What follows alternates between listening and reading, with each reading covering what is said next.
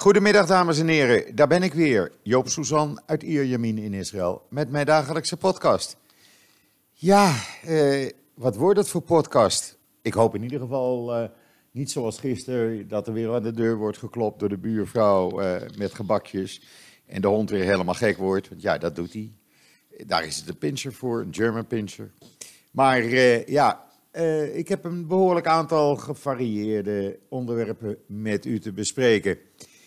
Eh, maar laten we het eerst even over het weer hebben. Nou, het is nog steeds lekker, gewoon 23 graden. Het is een, hele lichte bewolking, overwegend blauwe lucht. Eh, er staat iets meer wind, maar het weer blijft goed. De eerste regen wordt pas in de loop van volgende week weer verwacht, zegt men. Eh, en het weekend schijnt eh, gelukkig weer mooi weer te worden. 24, 25 graden. Dus tijd, eh, Shabbat, voor een lekkere lange strandwandeling met de hond, heb ik me voorgenomen. Maar ja, je kan je van alles voornemen, maar laten we maar afwachten tot eh, zondag, oh, zaterdag. Eh, eerst even dit. Er is gisteren een eh, Israëlische luchtmacht-helikopter.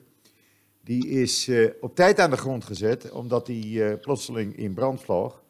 En alle bemanningsleden en de 14 eh, soldaten van een speciale eenheid die eraan in zaten, zijn er ongedeerd uitgekomen. Maar het heeft wel tot gevolg dat de Israëlische luchtmacht alle Yassour-helikopters aan de grond houdt, totdat, me, eh, totdat men weet wat de oorzaak van deze brand was. U kunt het zien met video op eh, joods.nl. Eh, die eh Yassour-helikopters, ja, die zijn uit de jaren 60. Eh, toen zijn ze gekocht in Amerika. Eh, worden wel steeds aangepast aan met de modernste eh, ontwikkelingen die erbij zijn. Maar ja, goed, het zijn Sikorsky transporthelikopters. Laat ik dat er even bij zeggen. Maar die dingen zijn vervo- vervanging toe. Vervanging toe. Als u in Israël wel eens op het strand bent geweest, en velen van u denk ik hebben dat inmiddels gedaan, dan zie je regelmatig twee van die helikopters eh, overvliegen. Die bewaken dan de kuststrook. Eh, maar die vliegen dus nu niet. Ik zie ze ook niet meer langs vliegen sinds gisteren. Eh, ja, eh, men houdt ze aan de grond. Eerst kijken wat er eh, eh, de oorzaak was. En het is gelukkig goed afgelopen. Jaren geleden, jaren geleden herinnerde ik mij, is er eentje neergekomen. Ook eh, een Yassour-helikopter. En daar is iedereen eh, bij omgekomen. Dus goede zaak dat men even niet gaat vliegen. En dan, ja, ik ontkom er niet aan, toch maar even wat eh, politiek nieuws. Ten eerste, de procureur-generaal, die, eh, die zegt, ja, het is, eh, het is natuurlijk van de gekken dat wij als openbare aanklagers, en hij is dan de hoofdopenbare aanklager van Israël, moeten tegenwoordig bodyguards hebben, omdat ons leven wordt bedreigd. Door wie dan, zult u zeggen? Ja, eh, de namen staan er niet bij, maar het zijn bedreigingen die heviger zijn geworden na de aanklachten eh, richting eh, premier Netanyahu. Mandelblit, de procureur-generaal, die zegt: Ik hoor bedreigingen, leugens en er wordt ongefundeerd met modder gegooid. Alsof wij een koep uit mee bezig zijn met een koep. Eh, dat heeft Netanyahu donderdagavond namelijk gezegd. Er wordt een koep gepleegd om mij af te zetten. Hij zegt dat is niet normaal. Hij zegt, nu moeten alle procureurs-generaal, alle aanklachten, alle aanklagers, openbare aanklagers, moeten met lijfwachten naar hun werk gaan. Ze moeten met lijfwachten rijden eh, als ze ergens naartoe gaan. Ze hebben lijfwachten bij hun huis staan. Dat kan zo niet. Hij zegt, ik, eh, ik vind dit een, eh, ja, eh, iets ongehoords en dat zou eigenlijk in Israël niet kunnen. Eh, hij zegt, het is, eh, het is raar. Netanyahu moet gewoon de wet respecteren. Wij respecteren hem, want hij is de gekozen premier van Israël. Maar hij moet ons respecteren en de wet respecteren. En laat de rechters maar een uitspraak doen. Wij hebben ons werk gedaan. En dat er dan wordt geroepen, de onderzoekers moeten worden onderzocht. Ja, dat is natuurlijk eh, ja, van de gekken, dat kan niet. Ik ben het met hem eens, want het is natuurlijk een eh, absurde zaak dat de aanklagers die gewoon hun werk gedaan hebben. ja, beveiliging nodig hebben en gewoon niet vrij meer zijn. En dan gisteravond was dan die lang verwachte, door Netanyahu, mede door Netanyahu georganiseerde demonstratie bij het museum in Tel Aviv. Uh, men had verwacht minimaal 10.000 uh, eh, mensen die daar zouden komen. Netanyahu twitterde een foto vanuit de lucht dat er uh, meer dan 15.000 waren. Volgens de politie en mensen die, van de gemeente Tel Aviv, die zeiden nou, ergens tussen de 4.000 en 5.000 maximaal waren er gekomen. De demonstratie begon ook een half uur later, want om acht uur, toen het zou moeten worden begonnen, waren er nog slechts een paar honderd mensen aanwezig. En we moesten dus wachten totdat er meer bussen met uh, demonstranten gratis naar het plein werden vervoerd. Er was een grote banner opgehangen waar uh, op stond: uh, We moeten het land beschermen en de staatsgreep stoppen. Nou, dan weet u al een beetje de teneur van de demonstratie. er werd geroepen, ook weer onderzoekers moeten worden onderzocht en politieagenten zijn criminelen. Eh, er was ook een videomontage van een van de openbare aanklagers, Shai Nitsan, in deze zaak. Eh, waarbij constant eh, over het scherm de mededeling kwam: Shai Nitsan is corrupt. Ja, ik vind, zo ga je niet om met wetsambtenaren. Netanyahu was er niet. Hij heeft ook geen toespraak gehouden via een satellietverbinding. Wat wel opvallend was, dat was dat uh, de meeste Likud-ministers en parlementsleden zich niet op de demonstratie laten, lieten zien.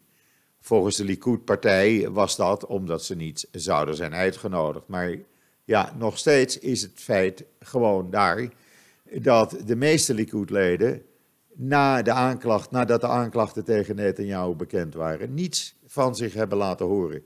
Ze hebben er niet op gereageerd. Ze houden hun lippen stijf op elkaar en dat zegt voldoende. Uh, uh, er waren twee, uh, twee ministers. Eh, een paar ministers werden gevraagd door journalisten die ergens anders waren. Van waarom ben je niet op die demonstratie? Toen zei de wetenschapsminister, ja, ik had andere afspraken. En de andere minister, de minister Joaf Galant, die zei, ja, ik moest de Ethiopische Siktfeesten bijwonen. En de minister van Absorptie, Joaf Galant, die maakte het helemaal mooi, want zijn excuus was... Ik had nooit gehoord dat er een, rally dat er een demonstratie zou plaatsvinden. En dat zei ook de minister van Economische Zaken. Die twee waren te druk met andere dingen. En die hadden niet in de gaten dat Netanyahu oproep, opriep tot een demonstratie. Goed, ja, wat, wat hoor je nou in Israël? Nou, je hoort steeds meer op televisie. Ja, het is de media, ik weet het. Uh, je moet het uh, met een klein beetje korreltje zout nemen. Maar er wordt toch wel uh, gewaarschuwd voor een splitsing in Israël. De splitsing tussen pro- en anti-Netanyahu. En dat is een enorme tweedeling aan het worden. En dat, ja, dat, dat kan een gevaarlijke ontwikkeling zijn. Dat zie je dan zelf ook wel. Maar goed, laten we hopen dat het zover niet komt. Want uh, ja, uh, is natuurlijk niet normaal. We zijn gewoon een democratie. En ja, ik blijf van mening. Een democratie uh, moet genoeg sterk zijn om dit soort zaken zonder demonstraties op te lossen. Inmiddels wordt de strijd binnen de Likud wel heviger. Gideon Saar bijvoorbeeld, die zei gisteren, als ik net aan was, zou ik opstappen. Gideon Saar is de grootste uitdager van Netanyahu binnen de Likud-partij. Uh, hij zegt ook, uh, Saar, dat Netanyahu zijn verantwoordelijkheid moet nemen. Niet vanwege de aanklachten, maar vanwege zijn onvermogen om een regering te vormen. En eigenlijk twee keer is het hem niet gelukt om een regering te vormen en zijn tegenzin om het democratische proces te volgen. Hij voegde eraan toe dat iedereen die in het politieke leven is, weet dat het enigszins nadelig is voor de kwaliteit van je leven, als je in de politiek bent. Dat is nou eenmaal de deal, zegt Saar. Hij zegt, ik ben vele jaren in de politiek Uh, ik wist waarom ik het deed. Ik wist wel, welke weg ik in ging. En ik wist ook waarom ik daarheen ging. Ik geef uh, om de staat en dat heeft voorrang op al het andere. En ik klaag daar niet over. Hij zegt, ik heb altijd Netanyahu gesteund. Ik heb heel veel met hem samengewerkt in het verleden. We hebben verkiezingscampagnes samen gedaan. We hebben allerlei wetten samengemaakt. Hij zegt maar, ja, eh, als hij geen regering kan vormen, dan moet iemand anders de teugels van de partij overnemen. En ik ben in staat, zegt uh, uh, Saar, om een uh, regering te vormen. Dan hebben we binnen 24 uur een nieuwe regering. of dat zo makkelijk is, weet ik natuurlijk niet. Maar ja, hij kreeg natuurlijk van de getrouwen van Netanyahu, onder andere Regev, daar is ze weer, de minister van Cultuur, eh, kreeg hij natuurlijk de wind van voren, eh, want hij veroordeelde, want hij maakte een grote fout. Eh, want je moet geen partijgenoten in het openbaar aanvallen. Nou ja, goed, als je dat ook niet meer mag doen, als je dan niets meer mag zeggen, dan begint het een beetje op een dictatuur te lijken, is mijn idee. Maar goed, uh, uh, ja, het, er gebeurt van alles. Er gebeurt elke dag nog van alles. Er komen allerlei berichten. Minder belangrijke berichten over de politieke situatie zet ik altijd op mijn Twitterlijn, daar kunt u het volgen. En de rest leest u dan automatisch in joods.nl. En dan is nu bekend geworden, die nieuwe busservice die afgelopen Shabbat, afgelopen zaterdag in Tel Aviv en omgeving van start ging, en die voorlopig nog gratis is, dat is een enorm succes geworden. In 24 uur maakten 10 ruim 10.000 mensen gebruik van die bussen. Zelfs zoveel dat men het tijdschema van elk half uur een bus heeft veranderd naar elke 15 minuten, 20 minuten een bus. Want er waren bushaltes waar mensen gewoon niet mee konden worden genomen. Nou zijn dit geen grote bussen, het zijn minibussen voor 19 personen, maar toch. Eh, het eh, lijkt er nu ook op dat meer gemeentes rond Tel Aviv zich gaan aansluiten, zoals Bat Yam en Golon. Eh, zodat ook daar mensen zich kunnen verplaatsen op Shabbat wanneer er geen openbaar vervoer is. En je afhankelijk bent van een schaarse route of een dure taxi, want op Shabbat is de taxitarief 150% deze vrijdag gaan ze weer van start met meer bussen. men zegt 40 tot 50 procent meer bussen, zodat niemand meer hoeft te wachten. Uh, het is uh, zo dat mensen nu zeiden, eindelijk uh, kan ik ook eens een keer op Shabbat makkelijk naar het strand met mijn familie. Of ik kan ergens naar een terrasje gaan. Of ik kan familie bezoeken. Of ik kan naar het ziekenhuis om daar kennissen of familie te bezoeken. En dat hoef ik niet meer door de week te doen. Ja, het voorziet in een behoefte en dat de ultra-orthodoxe mensen hier bezwaar tegen hebben. Ik kan het begrijpen, maar we leven ook in 2020 voor, over een paar weken. En ja, uh, beperkt openbaar vervoer. Ach, ik vind het uh, prima, het moet kunnen. En dan is er een heel mooi project in Israël. Uh, daar werken ingenieurs van Israel Aerospace Industries. Die werken aan projecten voor Tikkun Olam makers. Dat is een organisatie, een non-profit organisatie, die oplossingen proberen te ontwikkelen voor voormalige IDF-soldaten die gewond zijn geraakt en bijvoorbeeld een been kwijt zijn of een arm kwijt zijn of moeilijk kunnen lopen.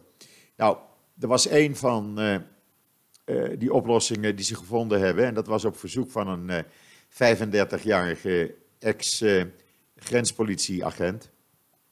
Die was gewond geraakt, ernstig gewond geraakt tijdens gevechten.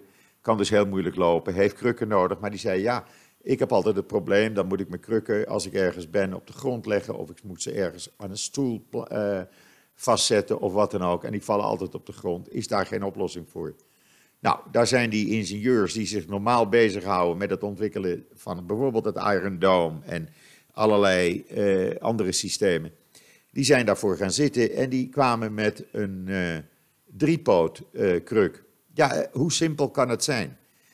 Een, een, een, een een kruk met drie poten, waardoor je dus gewoon je krukken overeind kan laten staan. Is dat nou niet uh, simpel? Het is het ei van Columbus. En zo uh, ontwikkelen ze voor veel mensen met uh, handicaps uit het leger, ontwikkelen ze allerlei producten gratis. En iedereen mag ook, ze zetten het ook online, hoe het ontwikkeld wordt, zodat iedereen het kan namaken. Daar hoeven ze geen geld voor. Ze doen het allemaal gratis, kosteloos, voor niks, nada, noppers. Ik vind dat fantastisch. Lees het artikel op joods.nl. En dan, ja, u zult er maar aan moeten wennen, maar ik, we hebben op joods.nl vijf Israëlische uitvindingen gezet. Die uh, de manier van winkelen, die u op dit moment kent, totaal zullen gaan veranderen. Ja, u kunt dan Israël weer beschuldigen dat Israëli's uh, uw manier van winkelen gaan veranderen. Maar uh, ja, er is bijvoorbeeld een Israëlisch bedrijf die heeft een, een app uitgevonden.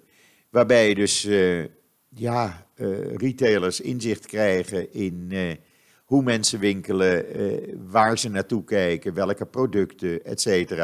Zodat ze dat meer kunnen promoten. allemaal artificial intelligent.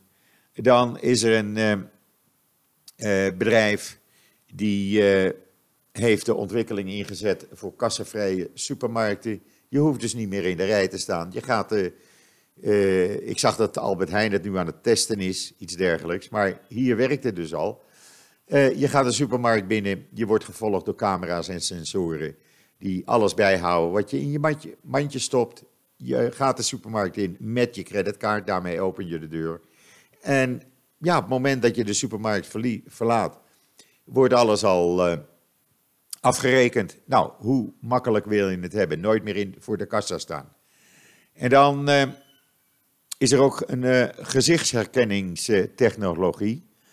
Uh, waarbij winkeliers, retailers, die kunnen gebruiken om winkelgewoonten te verzamelen. Maar ook directe betaling zonder kassa. kortingsbonnen, kunnen, aanbiedingen kunnen geven, noem maar op. Uh, waarbij je privacy wordt beschermd, zegt men. En dan een ander ding is uh, een Israëlische uitvinding uh, uit een kibbutz, kibbutz Bet Keset. En dat is sensoren die een product wegen. Ja, je hoeft dus niet meer te wegen, het wordt automatisch gewogen. En je betaalt ook weer met je smartphone betaalapp of je creditcard. Uh, heel makkelijk, het wordt al uh, gebruikt in pilots in Israël, Duitsland en Amerika. En volgend jaar wil men dat over de hele wereld uitrollen. Uh, echt geweldig, lees het maar, want het is heel ingewikkeld om het uit te leggen. Maar het staat allemaal op joods.nl. En dan ja, de opperrabijn van Engeland. Die heeft een toespraak gehouden in een, op de televisie. En die heeft gezegd wat zal het lot van de Joden zijn als het Labour-gif aan de macht komt? Ja, ik schrok ervan. Uh, hij zegt het nieuwe gif heeft wortel geschoten in de Labour-partij. En daarbij gaf hij natuurlijk uiting aan zijn angst voor het lot van de Joden in Engeland. Mocht het ooit zover komen, wat niemand hoopt, dat Corbyn premier zou worden. Bij de volgende verkiezingen die over een paar weken plaatsvinden. En de opperrabijn, meneer Mervis, Mervis, hij zegt: Ik voelde mij gedwongen om in te grijpen in de politiek, omdat de Joodse gemeenschap in het Verenigd Koninkrijk gegrepen is door angst over de toekomst. En, ehm, en wat gaat er na 12 december gebeuren? Gaat uh, Johnson winnen of wordt het toch Corbyn? Uh, hij zegt, de vraag die mij nu het meest is gesteld is, wat zal er met de Joden en het Jodendom in Engeland gebeuren wanneer de Labour-partij aan de macht komt? En deze angst is gerechtvaardigd, zegt hij. Uitgeving, uitinggeving aan, uh, aan bezorgdheid over anti-Joods racisme in de context van algemene verkiezingen behoort tijdens tot de meest pijnlijke momenten die ik ooit heb meegemaakt sinds ik aantrad als opperrabijn. En uh, hij verdedigde zijn interventie en die is in Engeland echt ingeslagen als een bom, gelooft u mij, door te zeggen dat racisme niet een kwestie van politiek is. Het gaat veel verder dan politiek, zegt hij. En uh, hij zegt dat ongebreidelde antisemitisme in de Labour-partij en de aanslagen en de doodsbedreigingen Eh, die komen overal vandaan uit die Labour-partijen. Iedereen vond het onbelangrijk. Uh, Joodse partijleiders, Joodse partijleden werden de partij uitgezet. Hij zegt, dit kan gewoon niet meer. Hij kreeg ook steun van de organisatie van de Muslim Council of Britain. Die steunden hem daarin. die, stel, die stellen zich achter de rabbijn op.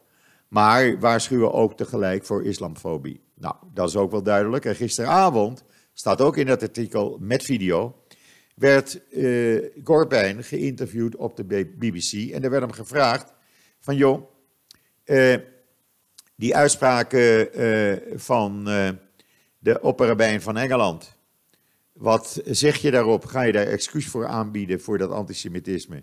En wat denk je wat meneer Corbijn zijn? Meneer Corbijn zijn de uitspraken van de rabbijn zijn niet waar. Uh, zijn niet waar. En Engeland is veilig voor iedereen. Er is geen uh, antisemitisme. En Engeland is veilig, ongeacht, ongeacht welk geloof iemand heeft. Nou ja, ik zou haast zeggen, meneer Corbijn, ik vind het een godspe. En dan zijn in Rome twee straten die waren genoemd naar antisemieten, die zijn hernoemd naar Joodse wetenschappers. Kijk, zo doe je dat. Dat vind ik een goede zaak. Uh, je kunt ook zeggen beter laat dan nooit. Het hele artikel kunt u natuurlijk lezen op joods.nl. Maar in ieder geval worden die namen niet meer gebruikt en zijn ze nu vervangen door namen van een Joodse natuurkundige en een Joodse geneeskundige die in de oorlog uh, zijn omgekomen. Uh, omdat ze weigerden de wetten van Mussolini goed te keuren. En dan, ik zou haar zeggen, only in Israël. Ja, het is een ontroerend verhaal. Uh, een paramedicus raakte ernstig gewond. Een paramedicus, je hebt hier dus het, uh, de ambulance. Daar zitten beroepsverplegers uh, op en een chauffeur. Maar de meeste zijn allemaal vrijwilliger. Hebben een winkel, hebben een kantoorbaan, zijn studenten, weet ik veel wat. ze doen dat erbij. Zo werkt dat hier. Nou, een paramedicus in uh, uh, Badjam. Die werd geroepen, uh, die moest naar een, een, noodoproep. Daar ging hij naartoe en toen werd hij aangereden op zijn ambu-cycle. Dat zijn die scooters die hier worden gebruikt. Die zijn sneller ter plekke om iemand meteen eerste hulp te kunnen verlenen. Hij werd aangereden, raakte ernstig gewond en zal nog een aantal maanden duren voordat hij weer volledig hersteld is. Maar wat is het nou? Deze man, Tal Koeperstein, had net daarvoor, een, kort daarvoor, een falafelzaak in Badjam geopend om uh, ja, te proberen wat extra financiële inkomsten te krijgen. Hij, uh, hij, is getrouwd, heeft vijf kinderen. En dat zou dus het bedrijf en het gezin financieel in gevaar brengen. Maar wat gebeurde er toen? Een wonder. Ja, ik kan er ontroerd van worden. Tientallen United Hatzalah vrijwilligers uit heel Israël, zijn collega's, die kwamen te hulp. Ze namen tijd vrij van hun eigen werk of andere activiteiten en gingen shifts maken, zodat de komende twee maanden die falafelzaak gewoon door kan draaien met wildvreemde mensen.